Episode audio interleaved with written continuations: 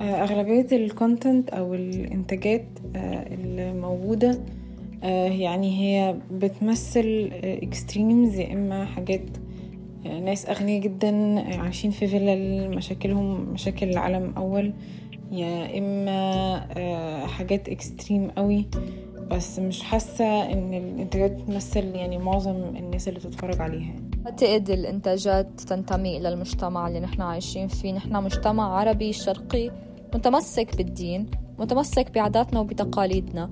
نادر ما يكون في إنتاج بيظهر الدين بطريقة منيحة ودائما بتكون آه، طريقة الظهر الشخصيات ما دخلها أبدا. بعاداتنا وبتقاليدنا وبواقعنا. لا مش لازم تعكس الواقع دايما لأنه ده لوحده بيحد من خيال الكتابة ولكن مهم طبعا بعض الأحيان إنك تجسد طموح في قضية ما لأنه الأعمال الفنية قد تكون لها تأثير كبير لطرح حلول في المستقبل وده حصل كتير بالذات في آخر خمس سنوات. في أعمال أثارت الرأي العام مما جعل السلطات تتحرك لعمل حلول. وصلنا لنهاية رحلتنا بالموسم الأول من بودكاست لنا. تناقشنا بكتير مواضيع بتمس مختلف جوانب حياتنا. فكرنا يمكن ما في شي بيتغلغل بحياتنا بكل الأعمار والأوقات قد المحتوى الترفيهي. من الشاشة الكبيرة للصغيرة بجيبتنا. زادت الخيارات المتاحة لإلنا وعم تتهاتف المنصات لتجذب انتباهنا. يمكن أحياناً كتر الخيارات بسبب لنا شوية توتر. إنه من وين رح نلحق نتابع كل هاي الأشياء؟ بعالم صاير أغلبنا فيه صناع محتوى. سألنا حالنا ماذا عن صانعي المحتوى الترفيهي الأصليين؟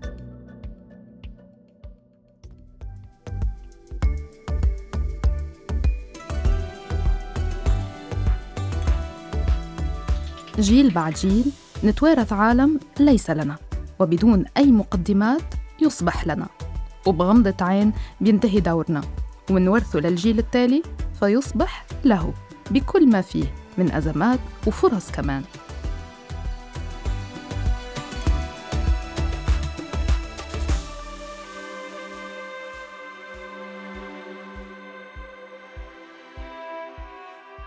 بودكاست لنا من مناظرات الدوحة. مساحة لتلاقي جيلنا اليوم. لمناقشة ومحاججة أفكارنا وتجاربنا على اختلافها. بنتلاقى ونختلف برؤياتنا لواقعنا ومستقبلنا. بلساننا. مهما تعددت آرائنا رح يضل صوتنا لنا, لنا.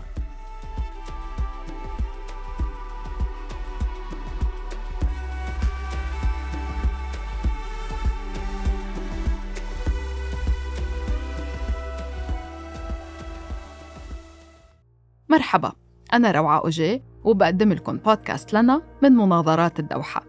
بحلقة اليوم رح نغوص شوي بعالم الإنتاج الترفيهي العربي تحديداً السينما والتلفزيون بس بصيغتهم الرقمية من نوستالجيا الماضي للواقع الحاضر. كيف تطورنا بالأعمال الدرامية والسينمائية؟ وكيف تغيرت عاداتنا بالمشاهدة؟ وشو هي الطموحات لمستقبل الإنتاج الفني العربي؟ والأهم هل القصص اللي عم تعرضها المنصات بتمثل واقعنا؟ أو عم تعرض لنا مشاهد مجتمع غريب عنا؟ بدأنا النقاش خارج الاستوديو وسألنا بعض الشباب اللي سمعتوا صوتهم بأول الحلقة عن رأيهم بجودة الإنتاجات العربية الترفيهية حالياً. حس الإنتاجات تبع الأفلام العربية منيحة منيحة كتير. من تصوير لإخراج والميزانية اللي عم تنحط بالأفلام وبالمسلسلات مبينة إنه ميزانية عالية. والشغل بشكل عام كنتيجة النهائية يكون الشغل كتير حلو يعني كتير منيح. لو هنتكلم في السينما مثلا فإيرادات دور العرض بقت غير مجدية للإنتاج بسبب قلة المشاهدين في السينما في عصرنا الحالي. وده طبعا بسبب ظاهرة المنصات. فعملية الإنتاج بتبقى معتمدة كليا على قيمة البيع والشراء بين المنتج والمنصة. وده طبعا بيحد من إمكانيات إنتاج أي عمل. والعملية ما بقتش تقديم أعمال ذات قيمة فنية بل أعمال تكون إنتاجية مربحة فقط. الإنتاج في الوطن العربي يعني الجودة بتاعته تبان إنها أعلى عشان التكنولوجي والكاميرات الجديدة اللي بيستخدموها والحاجات دي كلها. بس أنا مش حاسة إن الجودة ككونتنت عالية قوي الآراء العامة بتختلف وبتتلاقى بكتير محلات بس بيصعب الخوض بالتفاصيل مع العامة. لهيك قررنا كمان تسمعوا من الناس العاملين بمجال صناعة المحتوى واستضفناهم بالاستوديو. أنا اسمي عمر طالب دكتوراه. بعد شوية حصير أربعيني جد. السنة القادمة بالهجري أصير أربعيني وبالإنجليزي أعتقد أو بالفرنجي أعتقد أنا 37 أو 36 يعني حضرت الإنترنت بكل مراحله. ضيفنا الأول عمر حسين صانع محتوى سعودي ومستشار بمجال الإعلام والاتصالات. اسمي جوانا عريضة عمري 25 سنة. جوانا مصممة جرافيك وممثلة ويمكن تكونوا متذكرينها من دورة كرانيا بمسلسل مدرسة الروابي للبنات. ضيوفنا الاثنين عندهم آراء واسعة وإلمام بتقنيات الإنتاج لكن اليوم عم نسمع منهم كمتفرجين ومتلقين للمحتوى العربي. كيف تعرفوا عليه وشو ذكرياتهم معه. أعتقد تجربتي في الاستهلاك محتوى الترفيهي ما تعرضت لكميات كبيرة من المحتوى العربي. بس على كبر يعني رجعت شفت يعني مثلا شفت مسرحية الزعيم وأنا خلاص يعني في المتوسطة ولا في الثانوي. وجوانا تقريبا نفس الشيء. ومثل عمر بلشت تعيد استكشاف الإنتاجات العربية على كبر. بتذكر لحد هذا اليوم بظن هذا الحكي كان قبل ثلاث سنين. أنا وعمتي عمة أبوي كنا قاعدين. كانت الدنيا بريد وعملت لي سحلب. وقعدنا هيك بالتخت واكتشفنا إنه كان في على نتفليكس كل المسرحيات القديمة. فحكت لي عمرك حضرتي آه، مدرسة المشاغبين؟ فأنا هيك وأنا إنه مستحية قلت لها لا ما حضرتها. حكت لي خلص رح نحطها. ويلا بعمل السحلب وبنسخن بنشوي الكستنة وبنقعد نحضرها. أنا إنه تمام. بلشنا نحضرها. فأنا بحضرها فجأة حسيتها إنها خلصت وبعدين اكتشفت إنها أربع ساعات. أنا إنه أوف إنه هاي مسرحية وأربع ساعات ولفتت انتباهي.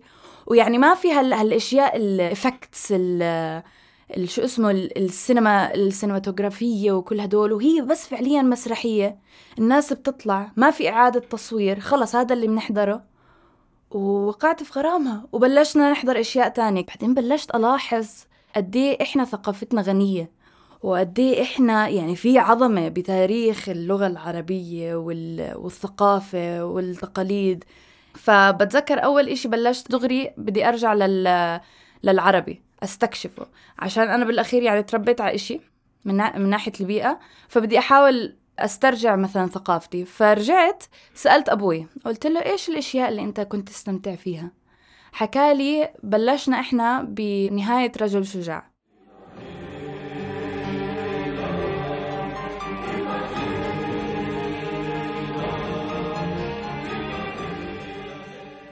ومع الوقت عمر وجوانا تعرفوا أكثر على الإنتاجات العربية وبدأوا يحكوا عن التطورات اللي بيشوفوها بالأعمال الحديثة. أنا ما أحب كلمة يتطور. إيش يعني يتطور؟ يعني تفتح تفتح تساؤلات كبيرة.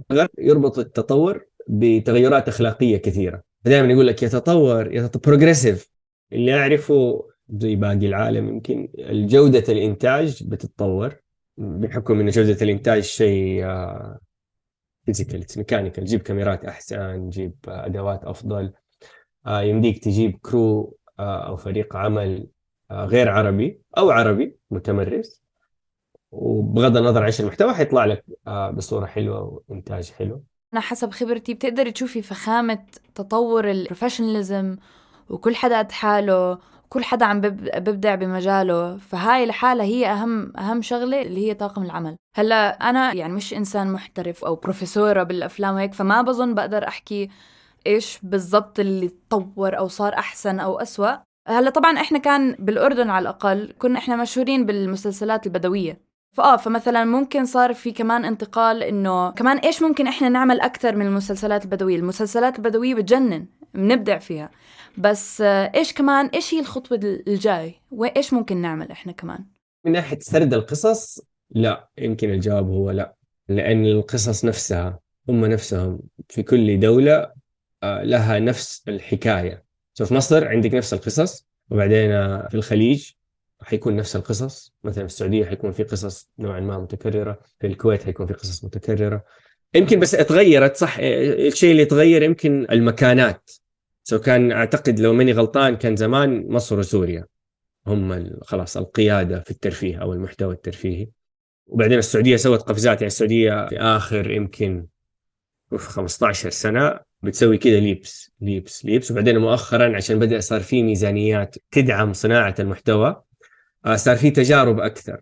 يمكن الأفلام اليوم السعودية ما هي أرهب أفلام في العالم ما هي الأفلام اللي حتنافس تامر حسني والشباب لكن بتشوف في experimentation بيجربوا بيحاولوا بيسوي شيء هذا يمكن ما نجح بعدين يسوي شيء ثاني هذا نجح. بسياق تطور الإنتاج والسينما بالآونة الأخيرة تطور معهم كمان وجود النقاد بالذات على منصات التواصل الاجتماعي. كم واحد فينا بيفوت على تويتر أو أكس أو ريدت أو فيسبوك بعد ما يحضر شي مسلسل أو فيلم تيشوف رأي الناس ويتناقش معهم. سألنا حالنا. يا ترى كيف بيأثر هالشي على عملية الإنتاج وصناعة المحتوى؟ هلأ مثلا صرت أحس إنه الأفلام والمسلسلات اللي صفت عم توصل لمحل أو عم تنتشر هي الأفلام اللي رسالتهم قوية تحمل رسالة قضية بدها تورجيها للناس فالناس بصفي عندهم انفعال عاطفي. فأول ما يصير في هذا الانفعال بصفي إحنا كأشخاص كالإنسان بصفي هو بده يحكي بده يشارك عن الإشي اللي اختبره. وعلى العكس كمان ممكن يزيد النقد. الفيلم حق آه، سونيك. سونيك كان سينما. لما نزلوا التريلر ولا هذا صار backlash على شكل سونيك كان شكله يضحك. شكله أهبل. فالناس صاروا يتشمتوا يتشمتوا. قالوا يا عمي حيمسخرونا الجماعة. وعطلوا الفيلم أعتقد سنة ولا سنة. they delayed الفيلم يعني. ردات الفعل عالميا مش بس عربيا صارت فورية. منلاحظ إنه بعد صدور أي عمل ترفيهي عربي خاصة عبر منصات البث الرقمية الجدل الداير بيناقش دايما علاقة العمل بالواقع أو بالمجتمع. هذا العمل لا يمثلني. هذا العمل لا يمثل قيم مجتمعنا. لا يعكس الواقع. يجب منع هذا العمل أو حظر المنصة. أنا مثلا إذا حدا كل ما يطلع إشي مسلسل أو فيلم دائما دائما مستحيل كل حدا يحبه أو مستحيل كل حدا ما يحبه.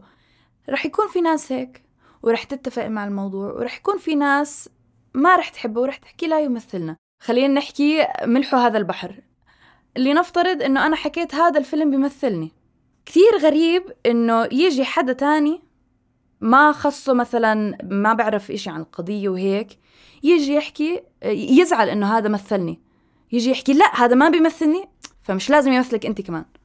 بس هذا مش منطقي. فاهم علي يعني إذا أنا جيت حكيت في فيلم عن عمان الشرقية أو إن كان عن عمان الغربية إذا إحنا بدنا نقتنع أو لا في فئات في مجموعات موجودة عايشين هاي الحياة. أنا ما بقدر أنكر واقعهم. هاي, هاي الناس موجودة. مثلا دائما حيكون قضية العلاقات المرأة والرجل لأننا نحن مجتمع عندنا قيم معينة وقوانين معينة في تكوين العلاقات وموضوع حساس بالنسبة لنا ما هو موضوع بسيط. الحين نقيس على شيء قريب. واحد يبوس بنت الجيران. Very possible. It's very possible. هذا شيء مرفوض غير مقبول. الحين لو كان السياق إنه هذا تقبيل خطأ غلط أنا حكون ضد. حقول أيوه بس ليش تصوروا؟ ليش تجيب ممثل وممثلة من ثقافتي يمثلوا هذا المشهد؟ لو كان السياق إيجابي لا إنه هم بيجيبوا أو دول يحبوا بعض خليهم يبوسوا بعض. أنا برضه حزعل حقول دقيقة أنت ليش بتبيع هذه الفكرة لأطفالي؟ لأنه هذول بيقبلوا بعض قبل الزواج. فلاحظي كيف مهما صار أنا ضد. طيب؟ إيش اسمه المسلسل اللي في نتفليكس؟ مدرسة الروابي. آه الروابي كان مزعج. المجتمع الأردني مجتمع معروف بقيم وعالي في القيم المجتمع الأردني.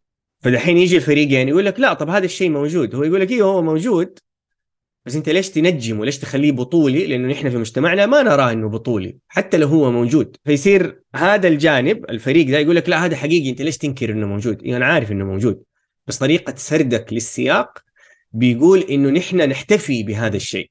نحن لا نحتفي بهذا الشيء. أنا حطيت بموقف كنت أنا وأختي بتركيا كنت عم باكل كستنة وهيك وإجت آنتي وبتحكي لي إنه آه أنتي تاعت الروابي. قلت لها آه أهلين كيف الحال؟ وبلشت تحكي لي إشي. آه بس أنا ما حبيت واحد اثنين ثلاثة. فأنا صافني أنا إنه وين كان واحد اثنين ثلاثة؟ ومصرة واحد اثنين ثلاثة. فأنا بالأخير عشان ما كان شوي غريب ما كان منطقي الإشي اللي كانت تحكيه. فأنا قلت لها عفوا بس آه أنت حاضرة المسلسل؟ تحكي لي لا. قلت لها طب احضري المسلسل. الأشياء اللي عم تحكيها مش منطقية. أو مثلا حد كان محضره لبنتهم كانت 8 سنين. طب المسلسل بحكي 16 plus you know فهذا أي مسلسل أو أي فيلم. ومن هون وضح عمر إنه بثقافتنا العربية في بعض التفاصيل يلي من وجهة نظره بتفرق بمدى تقبل المجتمع للمحتوى اللي عم ينعرض. أعطى مثال لفيديوهين انتشروا بالآونة الأخيرة. الأول عن صانع محتوى عم يعمل مقابلة مع رجل ثري. وبيسأله عن بيته وملابسه وسياراته. الفيديو كتير انتشر لأنه بيستعرض ممتلكات رجل فاحش الثراء. بعدها بكم أسبوع وأنا أتوقع هذا يعني حفز هذا يعني إنه جاء واحد سوى فيديو برضه مشهد تمثيلي ولابس لبس كده كأنه لبس خليجي أو إماراتي طبعا مو لابسه بالشكل الصحيح. وداخل معاه طبلية في المصانع اللي يشيلوا فيها الأشياء الكبيرة يكون في خشب تحته كده مربع خشبي ما أعرف شو يسموها طبلية ففيها رزم فلوس كثير فلوس وهمية ويخش إنه إيش؟ إنه يبغى يشتري السيارات يروح يقول هذه السيارة بكم يقول له 2 مليون يقول له لا لا أبغى أغلى هذه بكم بعدين يروح يعطي الناس بخشيش بخشيش برزم فلوس. يقول له روح اشتري كوك روح اشتري ريد بول مش عارف. بعدين جاء أمر بالتحقيق مع هذا الشخص وصار تم القبض على اللي يمثل المشهد You own this? Yes, I do. What is most expensive? What is your budget? Uh, small budget I have, uh, but not too much. What you have? The most expensive SF90. This? Yes. How much? 2.2 million dirham. Dirham? Yes, dirham. I need more. Ex- I need More? expensive, brother. I don't need this. Is what my driver would drive this? Show me one expensive car. Everything's for sale, brother. What, everything, no problem. But هيدول فيديوهين يمكن فيهم نفس المنطق إنه بيظهروا معدلات معينة من الثراء. هيدا أكيد لا يمثل إلا قلة قليلة من المجتمع بس ليش في واحد انتشر عادي والتاني تجرم؟ الإشكالية في السياق. في الأولى أظهر الرجال أظهر فلوسه ما عندنا مشكلة. في الثانية سوى يمكن ثلاثة أشياء عليها إشكاليات. الأولى إنه لما لبس الزي الرسمي هذا الزي الرسمي يعتبر رمز وطني. فيعتبر أنت دحين ما احترمت الرمز الوطني بأنك لبسته بشكل آه، عشوائي. هذه واحدة. الثانية إنه في الثقافة العربية أعتقد عند كل العرب عندنا مبدأ احترام النعمة. مهما كنت غني ما حتلاقي أحد يرمي فلوس على الأرض. دحين بالنسبة للأجنبي حيخلط يقول طب ما هذا كرم؟ أيوه هذا كرم بس طريقة طريقة الرمي هذه طريقة لم يحترم فيها النعمة اللي هي غير مقبولة في الثقافة العربية. الثالثة هنا يمكن هذه أخص بالخليج. الخليج ثري ويشتري أشياء ثمينة لكنه يعرف قيمتها. ما هو أحمق. يعني لما يروح يشتري سيارة ب 2 مليار دولار هو يعرف إنه هذه قيمتها 2 مليار دولار. يتجمع سيارات في الغالب هو يعرف إيش بيسوي. هذاك حطها في سياق إنه شخص جاهل. بيشتري أشياء كده من غير ما يعرف قيمتها. تابعنا الحديث مع عمر حول أخلاقيات المجتمع وشو بيتقبل. مثلا ضرب المرأة تعاطي المخدرات والقتل. كلها سلوكيات وأفعال غير مقبولة. عالميا ومش بس عربيا.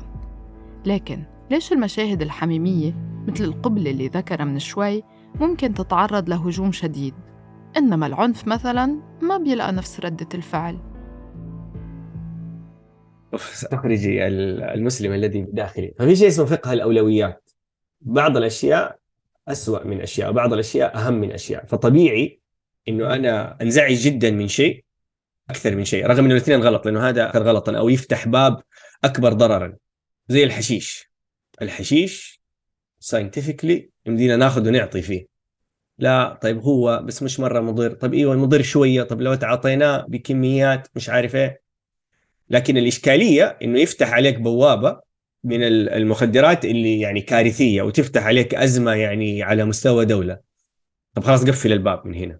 هتيجي تقول لي لا طب أنت ليش حتدقق على الحشيش ومش حتدقق على مشهد مثلا في له قتل في له إجرام. طيب؟ واحدة منها لأنه أيوه الحشيش حيفتح لي بوابة كبيرة. ثانيا الحشيش داخلة حتى عالميا في مكان رمادي.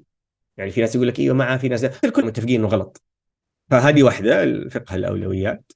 الثانية أعتقد لأنه في أشياء أقرب لي من أشياء. فنحن لو عرضنا محتوى عصابات. وجود عصابة مرة يعني مشوار. يعني مين حيصحى من النوم؟ حيشوف فيلم حيقول يلا أنا بكرة. حتجيني فرصة وحنظم عصابة كاملة وحيصير في إجرام منظم وحنسوي عالم تحت الأرض underground وإلى آخره. يعني الموضوع بيكمن شوي بسهولة التطبيع حسب ما فهمت. بالأخير اتفقنا مع عمر إنه المحتوى الدرامي والترفيهي بيبطل فيه حبكة أو ترفيه لو ما في بعض التجاوزات الأخلاقية. ما في حدا أو بلا ما نعمم. كتير قليل اللي بدهم يشوفوا مسلسل أو فيلم عن شخصية مستقيمة بشغلها وحياتها الدراسية. يعني لازم شوية بهارات وتضل المعضلات الأخلاقية قائمة. الموضوع كمان دائما بيرجع للإنسان. يعني أنا ممكن أشوف شغلة تكون ردة فعلي قوية عليها بس أنت لما تشوفيها تكوني إنه إيه عادي. والعكس صحيح. عادي إشي شافوه ما اتفقوا عليه اعترضوا. وبالأخير حق الواحد إنه يعترض أو يتفق على الإشي اللي بيشوفه. يعني هذا الإشي اللي بالنسبة لي اللي حابة أسلط الضوء عليه إنه كل واحد منا عنده رأيه عنده انفعالاته. مو بالضرورة تكون الموضوع جماعي. أنا ممكن أمسك لك هاي الكاسة ويكون عندنا آراء عليها. في ناس ممكن تتفق معها في ناس ممكن ما تتفق معها إنه ليش لونها زهري مثلا؟ ف... وممكن ناس تحبها ممكن ناس ما تحبها. وهي حياة الإنسان. إحنا كلنا عبارة عن يعني عواطف ومشاعر وذكاء وأفكار وهذا إشي حلو صراحةً. تناقشنا مع عمر وجوانا حول فكرة التمثيل النمطي لبعض الشخصيات واللي قد تصنف كأقلية. المرأة الضعيفة رفيق السمين الفكاهي وإلى آخره. هل في تحسن بتمثيل شرايح مختلفة من المجتمع؟ هلا مرات في الفيلم هو بحاجة إنه الشخصية تطلع بشكل نمطي عشان القصة عشان محور القصة. فهي سؤال فعليا جد حسب الموقف حسب الإنتاج حسب المسلسل. عشان ممكن مثلا يكون فيلم يحكي إنه لأ إنه أنا رح أعطي مواصفات شخصية نمطية بس ما رح تكون شخصية نمطية. إنه لأ بدنا نورجيها بمنظور جديد. أو ممكن لا عشان محور يعني القصة وكل شيء وتسلسل الأحداث إحنا بحاجة لها تكون نمطية. ففعليا حسب. ولكن لما إذا بدي أجي أقارن الأفلام اللي عم بحضرها هالأيام والمسرحيات اللي كنت أشوفها أكيد أنت بتشوفي الشخصيات النمطية في المسرحيات أكتر. ومع الوقت ومع الزمن أنا بشوف إنه صار في تحرر ممكن مش بالكامل بس المهم إنه يكون في عم بصير تحرر تدريجي. من الموضوع. المهم إحنا يعني كل ما إحنا عم نبعد من هذا الموضوع أو أو عم نعطي يعني عم نبعد من الشخصيات النمطية إلا إذا كان يعني إنتاج يعني هو عم بيستهزئ أو خلينا نحكي هو نفسه نمطي آه بظن إحنا عم نبعد من هذا الموضوع. يعني لو في المرأة الدور التقليدي هي أم العيال اللي مظلومة تجلس تبكي تدعي. حلو. جاء أحد قال أنا أبغى أسوي شيء خارج التقليدي أبغى أخلي المرأة شخصية قيادية هي السي أو حق الشركة. حلو. بعدين مرة يركز إنه هذه شخ... شخصية مختلفة وخرجت عن الإطار التق... طب ترى لسه ما خدمت لأنه أنت الآن بتقول لي في دور للمرأة هذه خرجت عنه. فما غيرت ال representation أنت تعتقد إنك غيرت ال representation يقول أنا صنعت بطلة للبنات الصغار. لا أنت بتقول للبنات الصغار شوف هذه شذت. هذه خرجت عن المألوف وصارت البطلة في هذا الفيلم. ال representation إنه آه في see oh she's a woman by the way وما هو the focus اللي هو نصحى وننام وهي تكون إيه شعرها قصير. فاهم؟ وتخاصم الرجال. فمثلا كان في فيلم سعودي مرة جميل. آه ياسر السقاف سواه. فيلم حلو. it's positive it's inspirational بس كل ذوي الإعاقة لهم هذا الطابع إنه هم قلبهم كبير ويضحكوا ولطيفين وحلوين. بس لو تتكلم على التمثيل الطبيعي اللي normalizes للمجتمع ال normalization انك تحطه جزء من القصة. أيوه هو معاق أو ذوي إعاقة يعني عنده تحديات حيكون في الدا بس it's not the focus مثل ما جوانا حكت يمكن نحتاج بعض النمطيات لحبكة القصة. لكن كمان مهم فصل الهوية والشخصية. ما تفهموني غلط. أنا أم وابني أولويتي بحياتي. لكن ما بحب تنحصر صورة الأم بالأفلام بتكريس كل حياتها لأطفالها وبيتها. كأنه غلط يكون عندها اهتمامات تانية وكأنه ما في إلها أدوار تانية بالمجتمع. بحب شوفها كمان ناجحة بشغلها مثلا وبتعطي وقت لنفسها وممكن تظهر مع أصدقائها لوحدها. الأم إلها أولويات متفاوتة عادي. بس هلأ بدي أفهم هل منصات البث عندهم أجندة؟ لا يوجد. ناشر إعلامي ما عنده أجندة بيريد الحين الأجندة مو شيء سيء. Everyone has an كل ناشر إعلامي عنده أجندة. المشاهدين بعدين إما هذه الأجندة تطابقهم أو لا تطابقهم وما يعرفوا أنها ما تطابقهم. سو so هذه يعني جست نقطة نقولها. فالأجندة ممكن تكون إيجابية ممكن تكون سلبية حسب المتلقي وأجندته الشخصية أو المجتمع وأجندته الشخصية أو الدولة وأجندتها كدولة. لا بظن إنه يعني نظرية مؤامرة يعني بالأخير مش كل إشي بالحياة له أجندة. عادي ممكن الحياة تكون بدون معنى والموضوع سبهللة مو ضروري كل إشي يطلع له تفسير. مش ضروري كل إشي يكون عنده أجندة. ما أعرف في المحتوى العربي. في المحتوى الإنجليزي سهل يمديني أشوف شيء من بعيد. هذا نتفليكس. دائما حيكون في محتوى معين عند نتفليكس. ما يعني لكن في خارج المحتوى ال- الإنجليزي ما أعتقد. يعني مثلا Squid Games ما كان يمديك تعرف إنه نتفليكس لو ما حد قال لك إنه نتفليكس في المحتوى. بعدين في مسلسل La Casa de Papel هذا يمديك تعرف متى نتفليكس اشتروه. يعني يمديك تتفرج عليه وما تقول لي أحد جيب 10 أشخاص يتفرجوا كثير نتفليكس قول لهم okay حنفرجكم الحلقات ورا بعض. حيقولوا لك متى نتفليكس دخلت في الإنتاج. يقول لك هنا. هنا نتفليكس دخلت. يمديك تعرف هل هو جيد هل هو سيء. ما يعني أجل حسب المتلقي. بالنسبة لي مو دائما يروق لي 90% من الوقت مو ما يروق لي أجندة نتفليكس. يعني هي لما الواحد يحكي أجندة مش ضروري تكون على شكل عالمي. هيك خلص أجندة إنه عملوا هذا المسلسل. إيش هي الخطة لإطلاقه؟ إيش هي رح تكون الدعاية؟ كيف رح يتم تسويقه؟ ها هاي أجندة. بس. يعني ما في داعي يكون على شكل عالمي وها يعني الأجندة بتيجي مع هيبة يعني هيك عظيمة. بس لا عادي أجندة.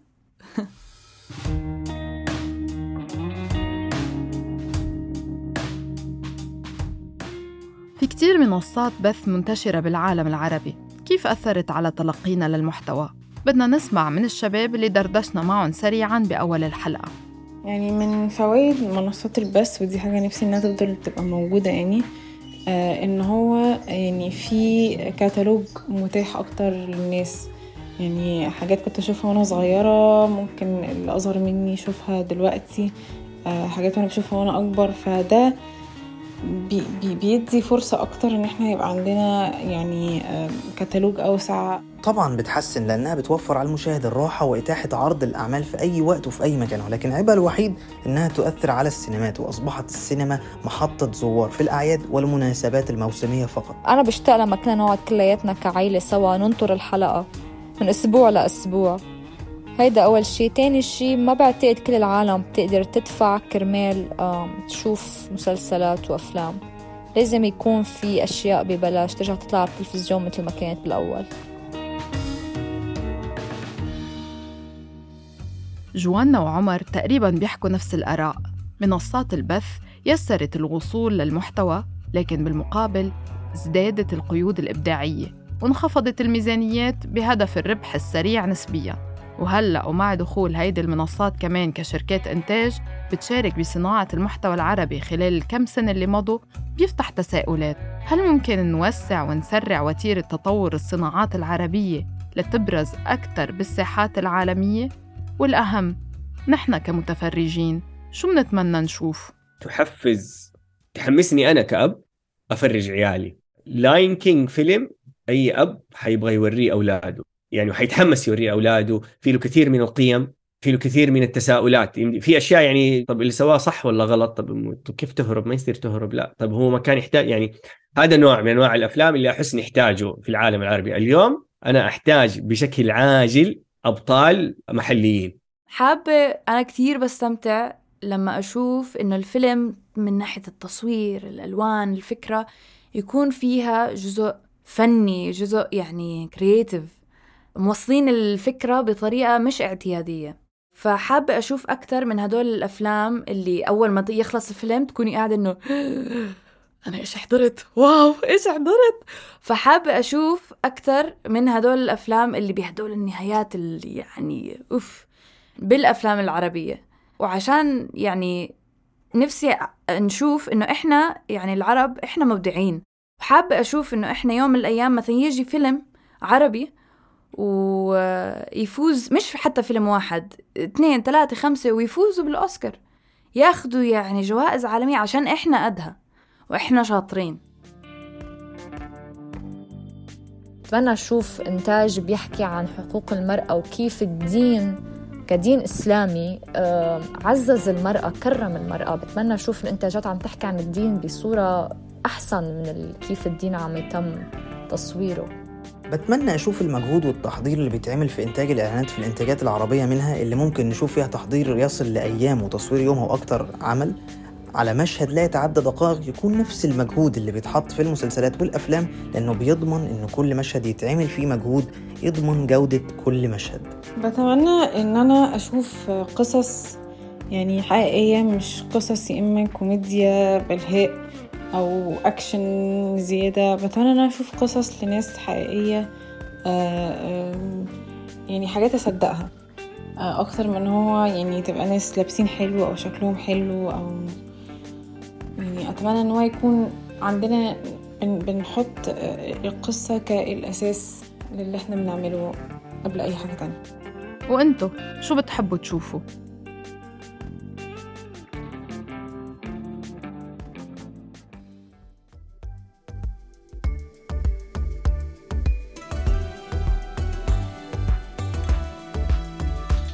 لو وصلتوا لنهاية الحلقة بشكر حسن إصغائكم وحابة كمان أشكر جوانا وعمر على الأفكار اللي شاركوها معنا وأكيد كمان نور وسيف ورهف اللي أثروا الحلقة بمشاركاتهم السريعة احكوا لنا هل الأعمال اللي بتنتجها المنصات بتمثل واقعنا؟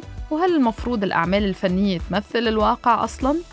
شاركونا آرائكم عبر حسابي @rawak R A W A K وصفحة فريق مناظرات الدوحة عبر Doha Debates AR D O H A D E B A T E S A R على انستغرام فيسبوك وتويتر اللي صار إكس أنا روعة أوجي وهيدا بودكاست لنا من مناظرات الدوحة بالتعاون مع صوت. الحلقة من إنتاج بسن سمهوت ورنا داوود وتصميم الصوت حسام علي. موسيقى البرنامج من تأليف استوديوهات كتارا مناظرات الدوحة هي إنتاج من مؤسسة قطر والمنتجين المنفذين هم جيف تويكس أمجد عطلة وجيجر مهتا. شكر خاص لسمية الكبسي ومحمد طه. اشتركوا بلنا على تطبيق البودكاست المفضل عندكم وما تنسوا تقيموا البرنامج على Castbox و Apple Podcast انتظرونا بموسم جديد وحلقات جديدة لنا.